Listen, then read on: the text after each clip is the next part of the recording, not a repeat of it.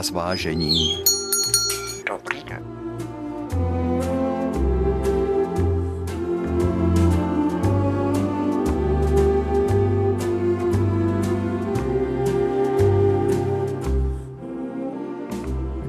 Za oknem jaro. S velkým spožděním letos přišlo, ale jaro je v plný síle. Jak se váží?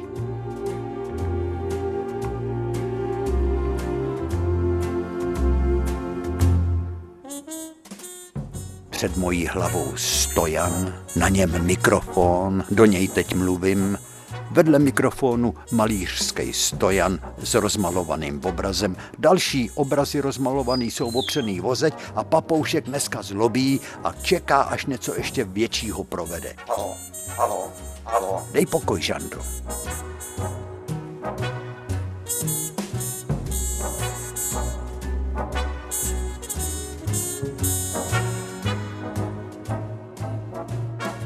Miladlo? Miladlo? Drž zobák nebo tě s tou klecí vystrčím za dveře. Jde mi pusinku?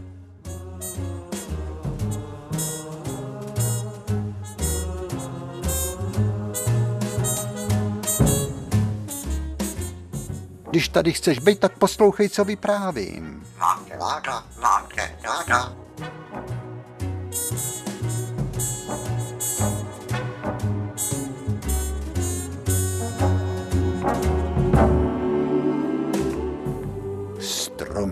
Jsou plný ptačího zpěvu. Já jsem Pricko.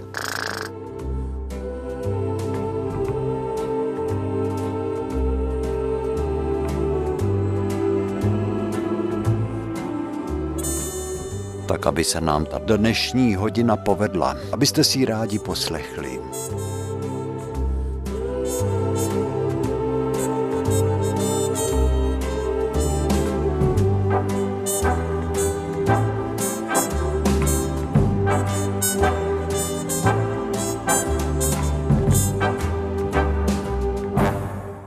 Babičiných kamnech, který mě připomínali starou lokomotívu. Černý, s mosaznejma všelijakýma hejblátkama. A u komínku, který končí ve zdi, bylo něco krásného. My jsme o tom už tolikrát mluvili. Vlastně teď jsem si na něco vzpomněl, až mě zamrazilo. Kdy vlastně dnešní hodinou se naplňuje 13 let. Žando, co tomu říkáš? 13 let už takhle vám vyprávíme. Není to nejlepší okamžik, jak se říká v nejlepším přestat? To musíme ještě zvážit. Jo, kde jsem to přestal? Jo, babička, sporák, litinovej, starej, s dvěma troubama nad sebou a vedle komínku byl hrnec, hnědej, kameninovej, polejvanej, dírkovanej hrnec. V něm se pasírovaly vařený švestky na povidla. Těma dírečkama lezly povidla a zůstaly tam jenom pecky v tom hrnci. Ale tentokrát z toho hrnce povidla netečou, protože ten hrnec štěbetá. Pod šátkem v tom hrnci jsou nedávno vylíhnutý kuřátka. Ale nejenom to. Na dalších vejcích sedí ve stodole, ve slaměným kulatým hnízdě, sedí husička milovaná babičiná. Na deseti vejcích.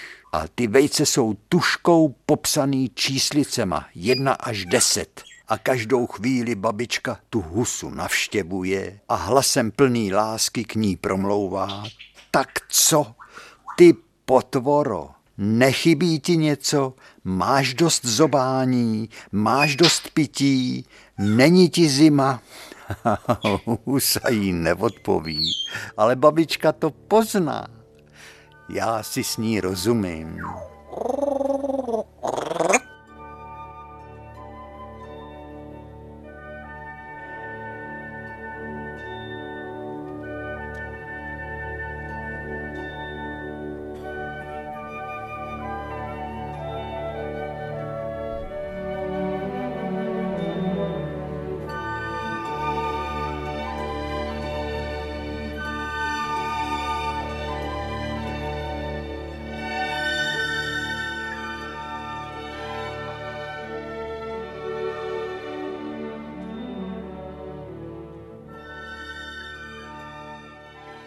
Včely už vylítnou skoro každý den, kočičky už dávno odkvetly, i jehnědy a podběl taky. A ve sklepě zbylo v kameninovým sudě šíleně dobrý kyselý zelí nakrouhaný a natočený na podzim. Pustilo šťávu, jenom ta šťáva, no to kdyby, no ta šťáva sladkokyselá z toho zelí. Je, to zelí v tom sudě je zatěžkaný hm, takovým kulatým poklopem a na tom poklopu ještě stojí těžká žulová kostka, kus kamene.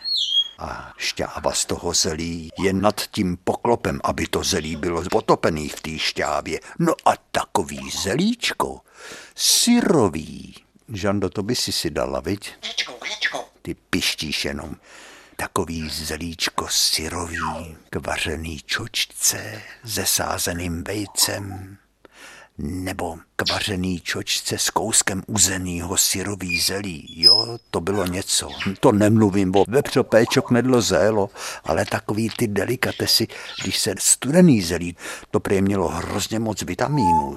Syrový zelí. No ale taky tam bylo vedle toho sudu, vedle té štoudve, s tím zelím byla ještě hromádka. Ve slámě leželi temně červený, panenský jablíčka se scvrklou šlubkou. Babička tu šlubku z těch jablíček odkrajovala, ale tak mistrovsky, že se jí od nože odvíjela dlouhá spirála té šlubky. A pak jablíčko rozkrojila a řekla hvězdička, je to dobrý. A polovinu dala dědovi a polovinu snědla sama. A ještě potom řekla, že letos mají ty slepice nažloutlý skořápky, čím to asi bude. Jenom aby až přijdou zmrzlý pangrác, servác, bonifác, nepřišly velký mrazy. To by pomrzly kvetoucí stromy. Žando, ty nedáš pokoj a nedáš pokoj. Opice, opice. No, no.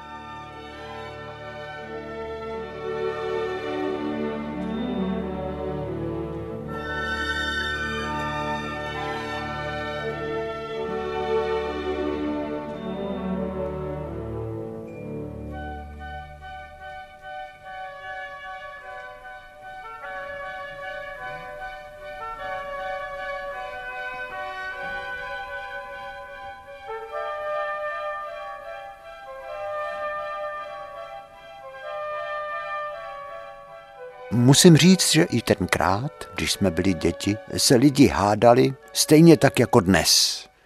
O čem se hádali? to je taky takový rakovnický bočom.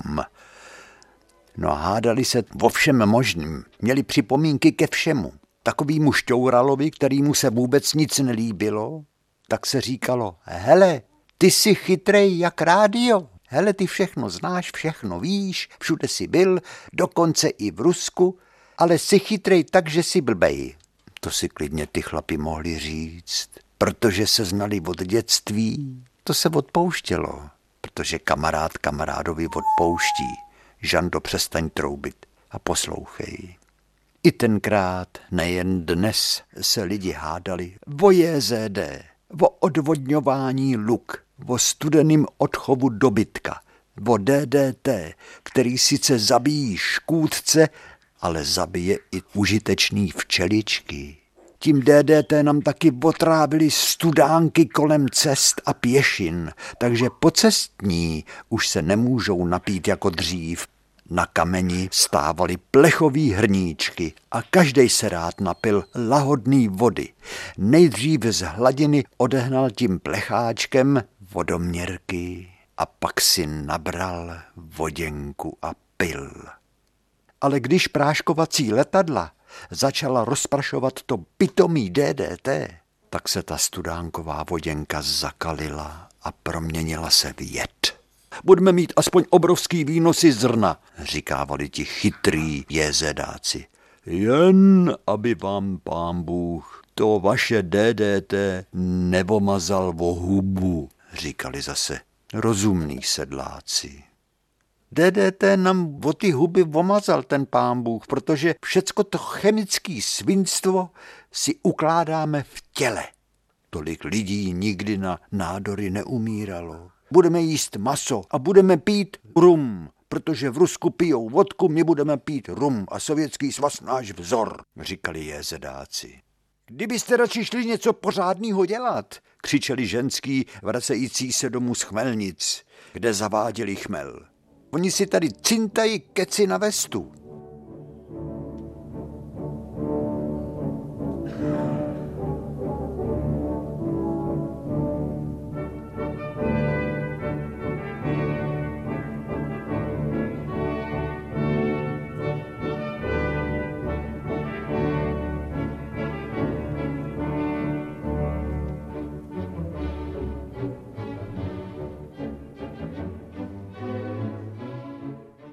Pro nás, děti vesnice, bylo počasí důležitý. Když si jako ve zrychleném filmu představím v duchu třeba srpen, končící léto, s novými vonavými školními sešity, protože už jsme se chystali zasednout do školních škamen, do lavic. Vzpomenu si i na poslední koupání v rybníce – a vítr pozdního léta odtrhával z řady topolů na břehu listy. To bylo takový už loučení s létem posmutnělý, ale pak přišlo září, rozvoněný září. V sadech byly pyramidy načesaných jablek, voněly. Potom přišly říjnový ohníčky, dny se krátily, my jsme pásli husy a kozy, v těch vohníčcích jsme si pekli brambory. To bylo velmi krásný, protože už rudý slunce mizelo za obzorem a z boken bylo slyšet Pepíku, domů, Jarko, domů, Vlastíku, kde pak seš? A přišel listopad melancholický, kdy jsme nosili s maminkama na hroby věnce a zapalovali jsme tam svíčky. A pak přišel prosinec začínající Mikulášem a končící bláznivým Silvestrem, ale mezi tím byl vonavý vánoční stromeček. A pak ten leden přišel, mrazivý dny, a pak ty únorový oblohy s letícími mraky a průvody maškar a dechovkou a březen, v něm se příroda probouzela. Zavoněla míza ve stromech, ale duben byl měsíc, který jsem měl moc rád. V dubnu se příroda chýlila k nejkrásnějšímu měsíci květnu. V dubnu se i čtyřikrát za den vystřídalo počasí. Zima, sníh, slunce, déšť a zase zima. A ten déšť, jak potom dešti omamně, zavonily voranice a stromy nalitý mízou a na nich už malý lístečky, tak si to užij, budeš na vonavý dýchání čekat celý rok.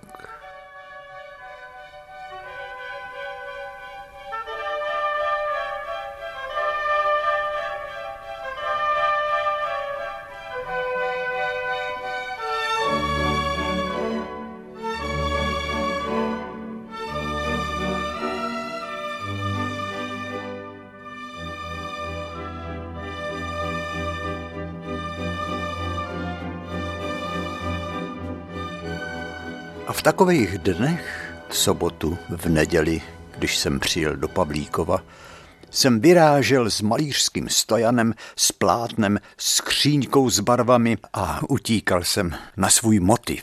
To byla jáma vykopaná na hůrce.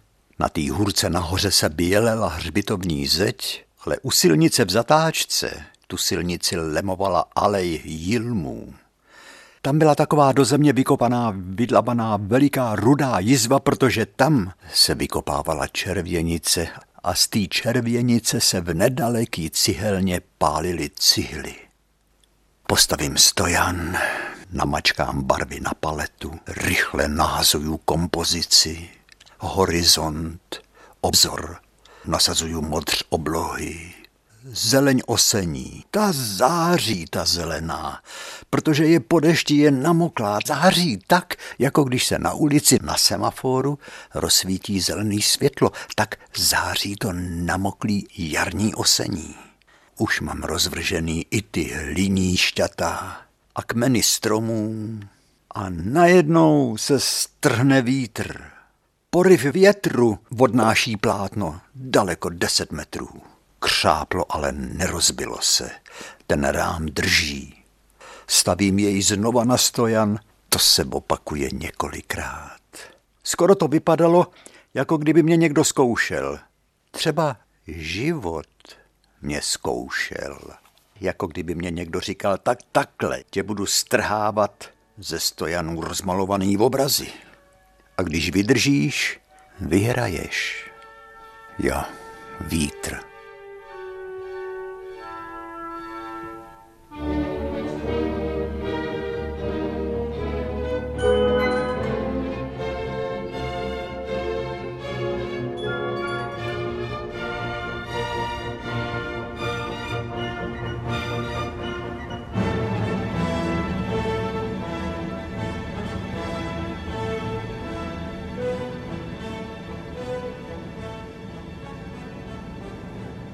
Malování v krajině.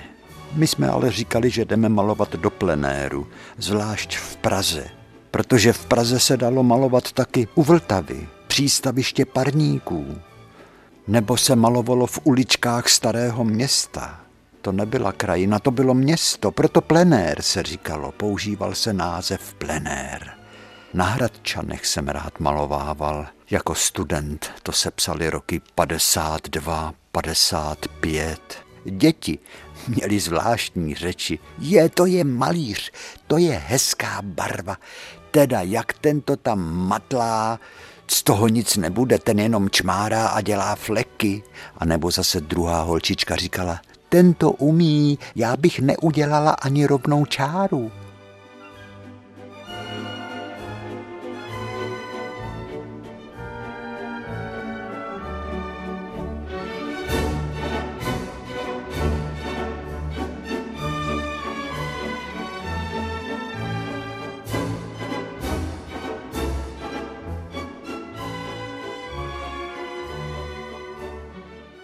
Jednou jsem maloval na vyvýšený zdi nad novým světem, na tý červený zdi cihlový, jaký nechala postavit Marie Terezie. Kolem celý Prahy ty šance a tam byla taková předprseň a na tý široký předprsni cihlový tam jsem si rozložil pastely v krabici, na stojanu byla deska rýsovací, prkno na něm připevněný napínáčkama, barevný karton, šedivý barvy neutrální do hněda a pastelama jsem dělal tu náladu jarního dne. Prahu objímá světle modrej závoj. To byly ty kouře z komínů, který stoupaly nad městem. Vedle byly lavičky a na těch seděli buď studenti nebo penzisti a četli si, nebo jen tak koukali Paní jedna pletla, štrikovala a přichází dáma s jezevčíkem a ten jezevčík byl zvědavý. Nech pana malíře bejt, nechoď k němu, nezamotávej se mu. Byl na vodítku ten jezevčík. Arno se jmenoval, nezamotávej se do toho stojanu malířského. Až do toho stojanu se tak dokonale tím vodítkem zamotal a najednou se stalo něco, co se stát nemělo. V nedalekým křoví strakatá kočka a už to šlo. Jezevčík nahodil třetí kosmickou rychlost a za kočkou. Ať jsem dělal, co jsem dělal, stojan jsem neudržel prkno s pastelem spadlo. Ten pastel, který drží na tom papírku, to jsem ještě neměl pofixírovaný. Ten pastel se musí fixírovat, aby ten pastel díky tomu fixativu přilnul víc k papíru, jenomže pastel celý z toho papíru se sesypal. To se stává, když není pastel nafixírovaný tak jsem utíkal za psem. Byl jsem rád, že jsem ten stojan kus dál vymotal z toho vodítka toho psa pitomýho. Ale když on ten jezevčík se na mě podíval těma hezkýma očima a já byl úplně zase na měko. Nemohl jsem nic říct. Paní se na něj zlobila. Promiňte mu, on je takovej ještě psí puberťák. Dit mu jsou teprve dva roky. A bylo po malbě. Kolik obrazů se mě nepovedlo, musel jsem je přemalovávat. A když jsem je přemaloval, byli ještě horší. I to patří k životu.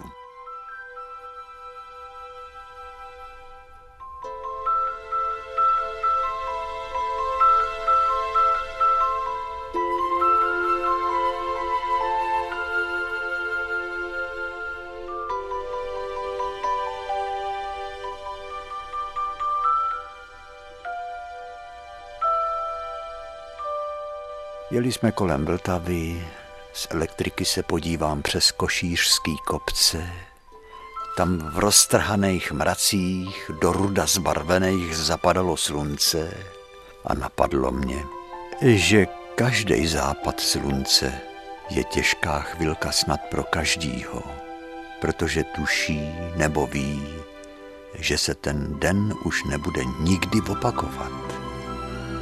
Dneska, když vzpomínám na ty západy slunce a když to sečtu, tak už jsem těch, no během mýho života prostě slunce zapadalo víc než 26 tisíckrát. Je to hodně nebo málo? Zaplať pámbu za to.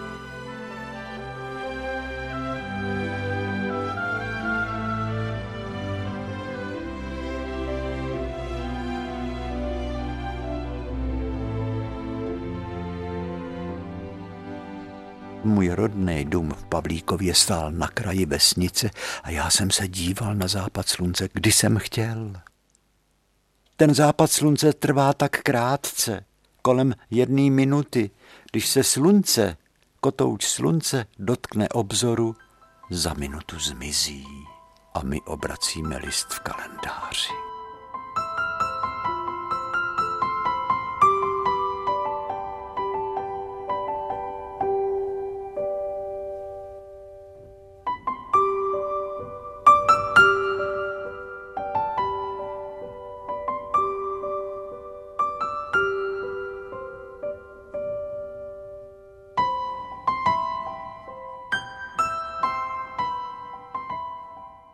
To se psal rok 1954, když jsem uličku Nový svět maloval.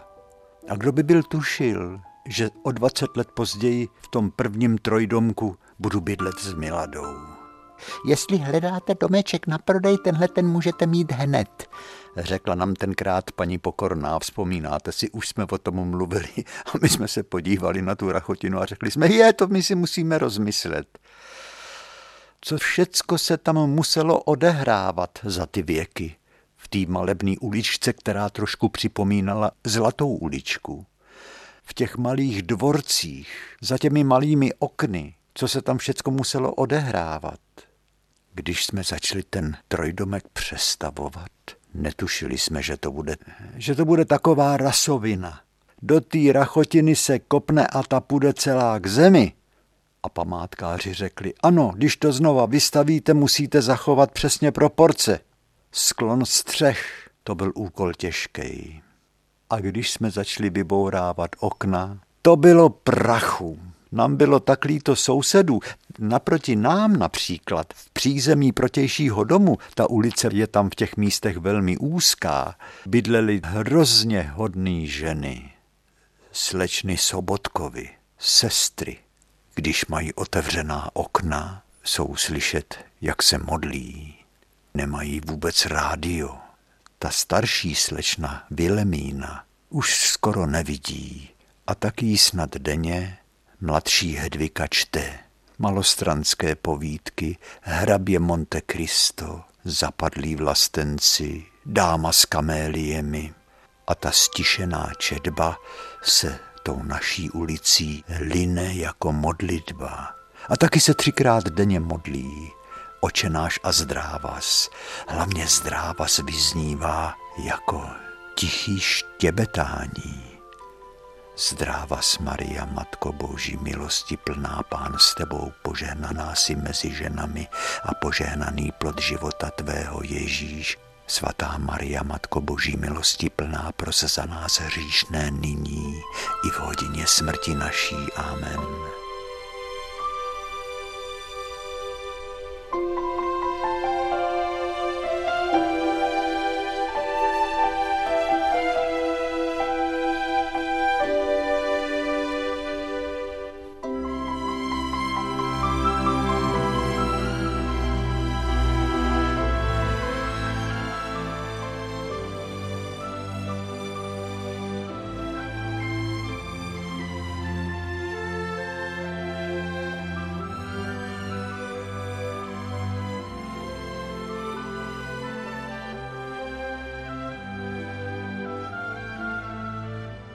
Když jsem vyprávěl Bohumilovi Hrabalovi, tak ten byl vždycky sticha, protože to prožíval se mnou, ty příběhy, které jsem na Hradčanech zažíval. Všichni starousedlíci v té ulici Nový svět nám, nově příchozím, říkali náplavy, něco, co omylem přinesla velká voda. A když za náma jezdil můj táta s maminkou kontrolovat, jak ta přestavba, ta oprava toho domu, jak pokračuje, tak maminka jenom lomila rukama a říkala, chlapče, tady to nebude dobrý, když sem nejde vůbec slunce.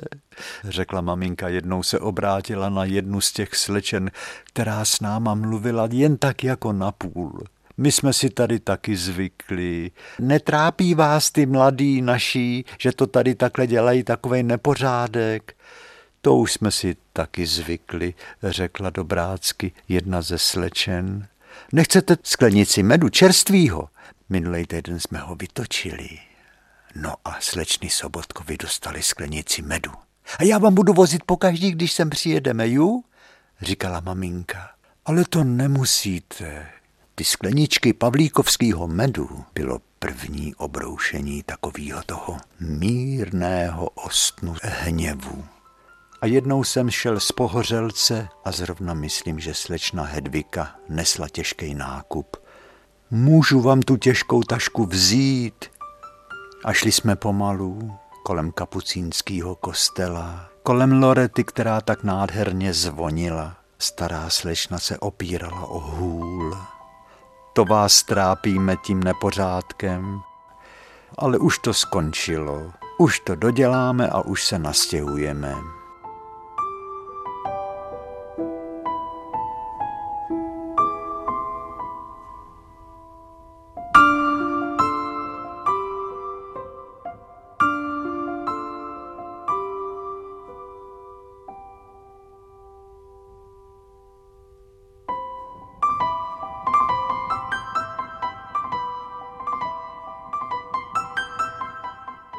To víte, říkala slečna Hedvika, my jsme byli zvyklí taky na hezký bydlení.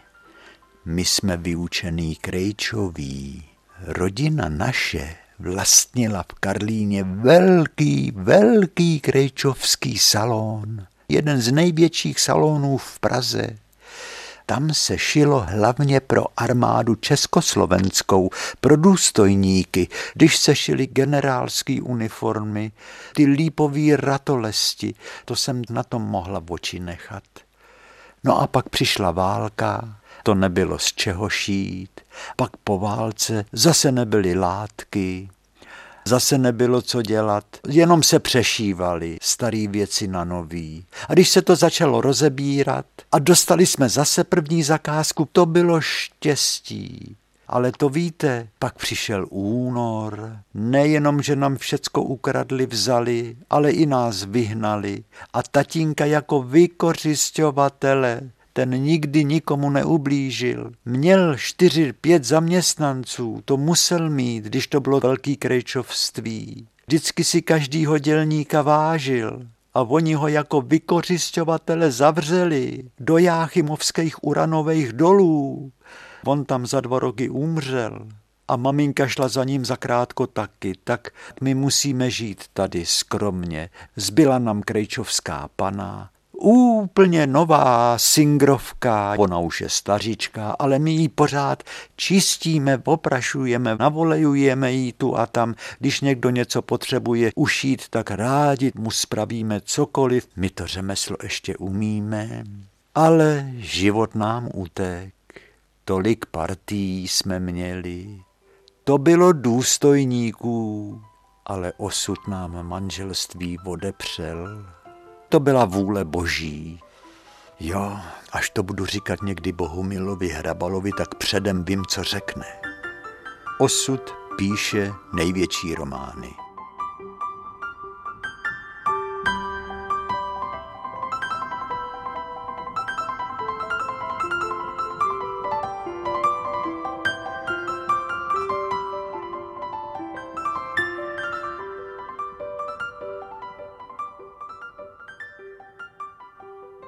Krásná byla jejich sousedka, bydlící ve stejném domě, jen přes chodbu paní Šafaříková. To byl přelud.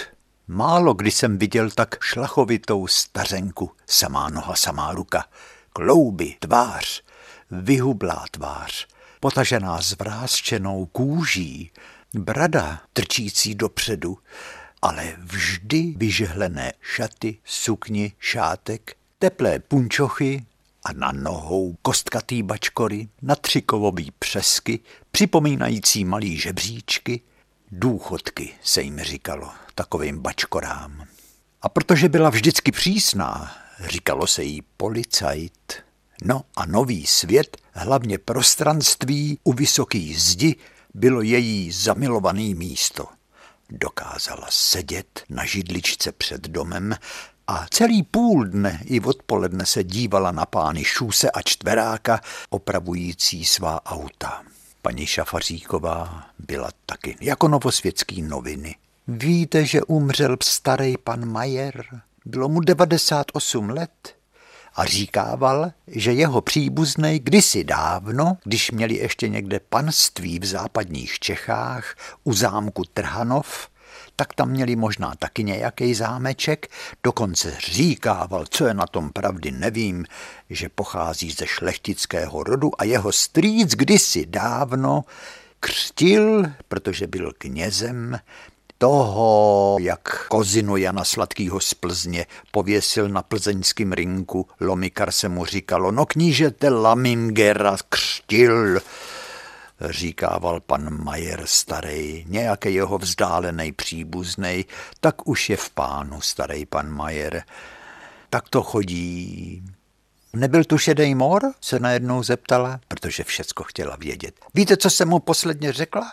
Tomu inspektorovi v šedý uniformě, jak nás tady hlídá, jestli máme všude uklízíno. Když říkal, ženský přece jsme chlapi, ne? Uklízejte kolem těch popelnic, ať z toho nemám malér. Tak jsem mu řekla, co to povídáte? Jestli vy jste chlap, to nevím, ale já chlap určitě nejsem, když jsem porodila tři děti. A on se smál a říkal, paní Šafaříková, to nesmíte tak brát, to víte, já tu a tam něco kecnu. Doufám, že jsem vás neurazil. Vždyť já vás mám rád. Vždyť se máme všichni rádi. A vytáhl z kapsy placatou lahvičku slivovice. Napil se a paní Šafaříková udělala brr to jsem v životě nepila takovej utrejch. Tak se tu mějte hezky a ať tu máte pořádek, řekl šedej mor a odešel. Není to blázen, šedej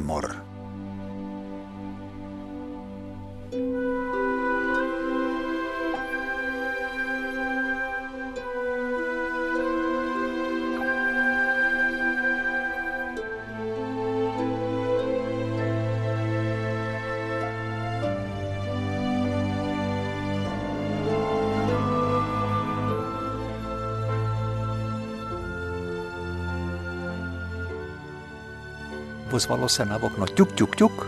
Já vyšel ven a už jsem to schytal. 150 tisíc otázek. Nepřijde dnes bouřka? Kdy přivezou chleba? Slyšeli jste to o tom panu Šusovi? Mohl se zabít v autě, skočil mu do cesty v noci divoký kanec, ale nic se mu nestalo, včas zabrzdil. Viděli jste to, co tam postavil ten pan Švankmajer? Pokračovala dál paní Šafaříková. Myslíte tu zahrádku ze sochou svatýho Floriána? se ptám. To tady nikdy nebylo. Já jsem se tu narodila a žádná zahrádka ani svatý Florián tady nebyl. To mají lidi dneska nápady. Postavit někde sochu, kde vůbec žádná nebyla. Já jsem říkal paní Šafaříková, za chvíli nikoho nenapadne, že ten svatý Florián sem byl přivežený z jižních Čech. Když ho ten Honza Švankmajer zachránil. No jo, ale tady nemá co dělat. Já jsem říkal paní Šafaříková, za pár let si to budou lidi fotografovat budou to považovat, že to tady stálo od jak těživa. Tak já už ničemu nerozumím, řekla paní Šafaříková. Já bych to nejradši zbourala. A opravdu v té Černínské ulici, jděte se tam podívat, ten svatý Florián tam sedí jako ulitej. No jo, ale tý paní Šafaříkový se nikdy nelíbil. Máte rád škraloupy mlíka v kafi? Najednou se zeptala. Já kafe ze škraloupama mám ráda, ale vařím si ho z cigorky. To je všude aut. Ty lidi se z těch aut pominou, říká paní Šafaříková. Já nemůžu se podívat, když jedu v autě z Vokínka. Mě jednou vez synovec a já myslel, že mu to auto celý povracím. Jedině v sanitce, když mě vezou do nemocnice a to musí mě být v leže a ještě si dám přes oči kapesník. Chudinka paní Šafaříková.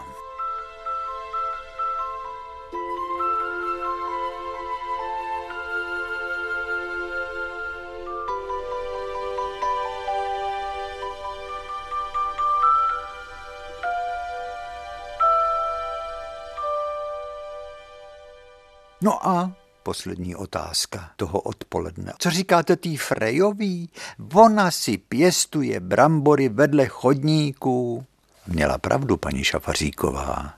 Další stařenka, bydlící v dřevěný chaloupce, na tom malým plácku je stará dřevěná chaloupka památkově chráněná. Vojáci jí skopali řádek vedle schodů, který vedou od elektriky ze zhora prohnojili jí ho a zasadili jí tam pár raných brambor. A paní Frejová je šťastná, že má svoje brambůrky. Paní Frejová takovej drobeček. Chodila vždycky v černým. Tak se smála na ten svět, buclatý tvářičky měla, bílý vlásky. Jako taková sestárlá panenka vypadala a byla šťastná, že si může pěstovat vedle schodů řádku brambor. Ale to se vůbec paní Šafaříkový nelíbilo.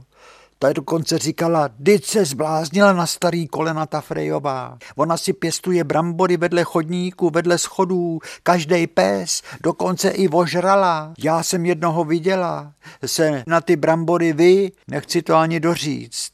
Já bych něco takového vůbec nejedla. Ty lidi mají nápady, kdyby to bylo ve válce a byla bída, tak bych neřekla. Mezi námi, ta paní Šafaříková, těch pár brambůrek, který si paní Frejová vedle těch schodů tak pečlivě okopávala, pěstovala, ona jich je snad záviděla.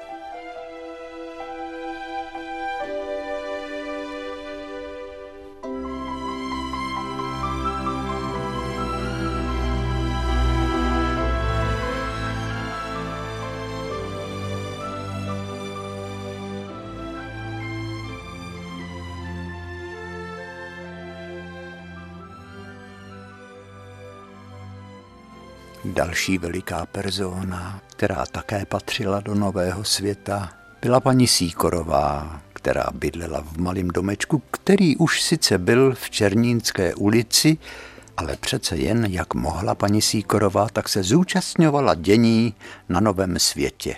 Já kolikrát jsem v tichosti kreslil u otevřeného okna a najednou jsem se strašně vylekal. Mříže mi v okně trčí ruka, svírající dřevěnou měchačku, z té měchačky se kouří a paní Síkorová zavelí. Jirko, ochutnej to. To jsou zavařený maliny. Povidla, je to dost sladký, ať se nebo paříš. Já jsem se tak lek, paní Síkorová. Počkejte, tak já to ochutnám. No jo, je to moc dobrý, moc dobrý. Já miláce přinesu skleničku, to bude na palačinky. Paní Síkorová zavařovala, potom to byly samozřejmě ostružiny, potom to byly brusinky, potom to byly meruňky a já měl tu čest, že jsem to ochutnával a říkal jsem, tahle to by možná ještě sneslo trošku přisladit. Nejlepší marmeláda byla z borůvek. To byla veselá kopa paní Síkorová se svým mužem Emerichem, který se dával na dvorečku, měl ve sklenici pár zrníček a to už věděli všecky malí ptáci z okolí, přilítávali, sedávali si na ramena pana Síkory a ptáčci mu zobali z ruky.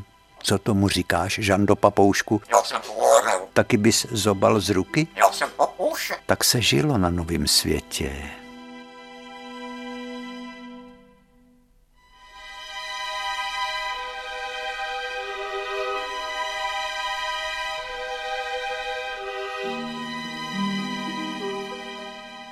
A perla novosvětská, paní Růžičková, my už jsme o ní posledně mluvili. Drobonká, bělovlasá stařenka, která se taky narodila na novém světě ještě za doby císaře pána, jako ostatně i paní Šafaříková. A tadyž vypráví, jak si s dětmi hráli na dvorku ve Štychu a co tam viděli. Pokaždý já jsem to slyšel nesčíslněkrát vyprávět paní Růžičkovou, ale pokaždý to prožívala. To si nedovedete představit, co jsme viděli. Představte si, ono bylo horko a my věděli, že v jedné té místnůzce na tom dvorečku, která nemá v okno, bydlí takovej, jak my jsme mu říkali. Pan flašinetář, protože on chodívával do města a na ramenou měl flašinet nebo někdy citeru. Vždycky, když se probudil, tak snídal jenom vodu a suchý chleba. Veselá bída, on se pořád smál a byl šťastný. Vidíte, jak málo stačí lidem ke štěstí. On byl šťastný, když mohl lidem zahrát na ten flašinet nebo na citeru, zaspívat nějakou takovou tu odrhovačku, která se tenkrát zpívávala a lidi mu dávali do cylindru protože když hrál, tak měl na hlavě cylindr, který potom, když dohrál, položil k nohám a lidi mu tam házeli mince. No jo, ale on když se vyspal, představte si zařízení té místnosti. Dvě štokrlata, skříň, která nikdy nestála, která vždycky ležela na podlaze a do skříně si lehal jako do postele. V té skříni spal nebo jí měl na boku postavenou a na ní rozprostřel noviny a na těch novinách, když byl čas oběda, tak obědval. Ve zdi měl pár hřebíků, na tom vysel takovej ošuntělej starý černý frak, boty s psíma dečkama a ten cylindr tam taky vysel na jedný skobě zvlášť a v rohu byl flašinet a citera a velký džbán s vodou. To bylo celý jeho bohatství. Ale my ho měli tak rádi, protože nám dětem kouzlil. Co on uměl kouzel, my jsme se na něj koukali a najednou vytáh třeba holce, která stála vedle mě, z nosu vajíčko, nebo kartu, eso žalucký, nebo růži papírovou. A to, co dokázal tahat z toho cylindru, to byly nekonečně dlouhý takový barevný hadříky. No my děti jsme ho milovali. Měli jsme oči na vrch hlavy, my jsme se nemohli vynasytit toho, co nám předváděl. A byl šťastný a říkal, já už musím jít za tím uměním. Já nikdy nebudu tak slavný jako nějaký operní zpěvák, ale já dokážu lidi obšťastnit. Oni mě za to dávají peníze. Buďte hodný, já už jdu.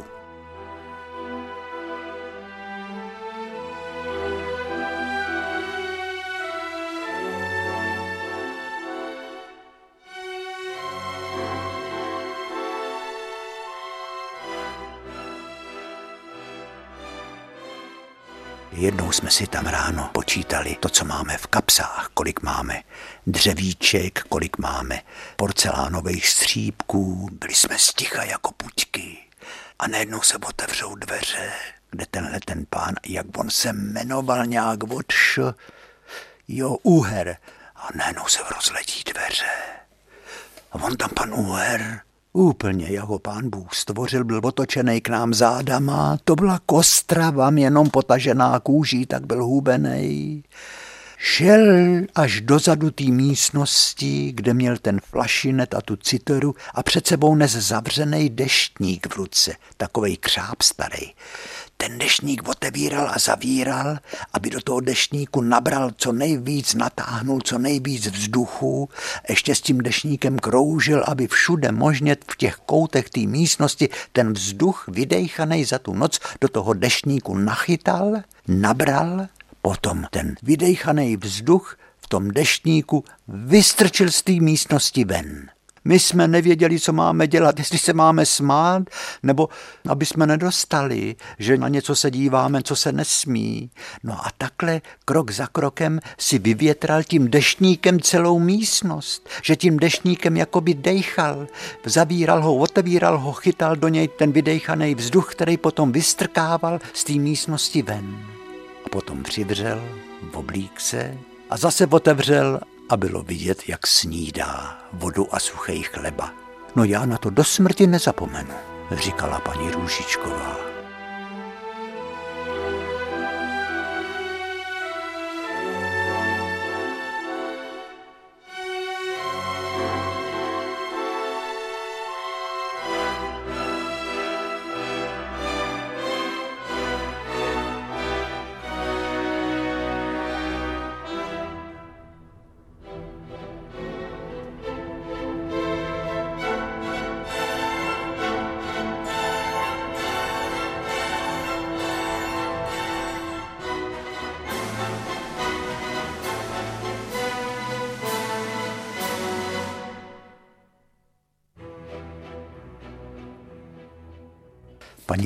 Růžičková, to byla srdnatá ženská.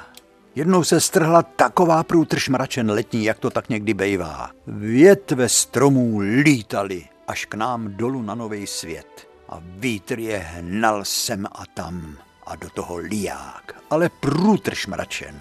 A teď jsem viděl něco hroznýho, protože ta kanalizace z nového světa stoupá až nahoru na pohořelec udělá sloupec vody, z dole to má u nás na Novém světě velký tlak, takovej sloupec vody, takovej, že z roštů kanálů stříkali dva metry vysoko veliký gejzíry vody. I u nás doma, z gule v podlaze v koupelně, z umyvadla, z WC mísy, z vany, tryskaly vodotrysky. Špinavý, hnědý, páchnoucí vody. Prší a voda na Novém světě v ulici stoupá. Okna jsou 20 cm nad chodníkem, tak vidíme pod hladinu vodní. Já ben z baráku nemohl, protože ten tlak vody mě to nedovolil otevřít dveře ale vidím srdnatou paní Růžičkovou, jak v letních šatech jde, protože věděla, že stejně promokne, jí to bylo jedno, ale jí bylo jasný, že musí z těch kanálních vpustí odstranit nalámaný větve, aby ta voda z nového světa mohla těmi kanály, když opadne ten tlak, odtýct ze všech litinových roštů kanálních, odstranila nalámaný větve a voda začala opadávat. Hm. Já na ní volám z okna. Paní Růžičková, už to nechte, teď nastydnete. Nebojte se, já svemu horkej čaj. Paní Růžičková, vy byste za to zasluhovala řád práce. Volám a ona se smála a už mizí doma. No jo, ale u nás to vypadalo jako po potopě. Ale přiběhly všecky sousedky, takový byli hodný na novém světě. Paní Síkorová, paní Wagnerová, paní Kubešová, Eva Švankmajerová. Každá přinesla hadr a kbelík a to bahno, který my jsme měli naplavený v celém přízemí, za dvě hodiny byl dům, jak se říká, špígl nígl, bez bláta a vysušený. Jo, to byli lidi na sebe hodní.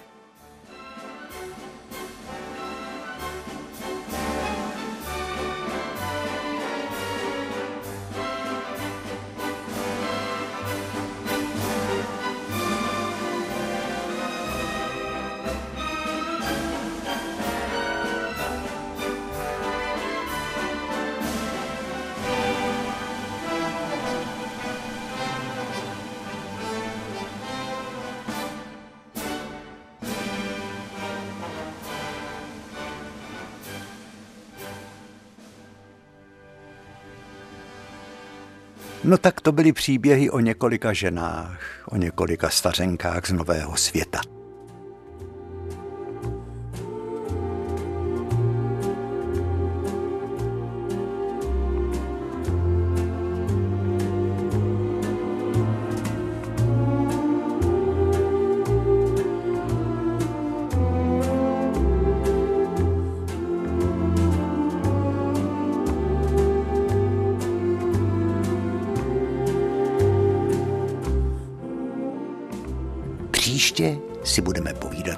Ještě o ženách, ale i o chlapech, i o starcích.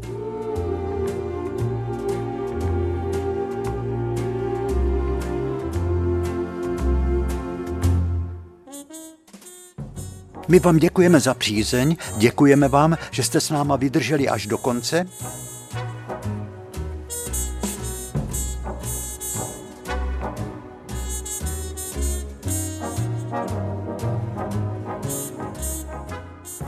Papoušku, děkuji ti za spolupráci tvůrčí. Já jsem Pricko, já jsem Pricko.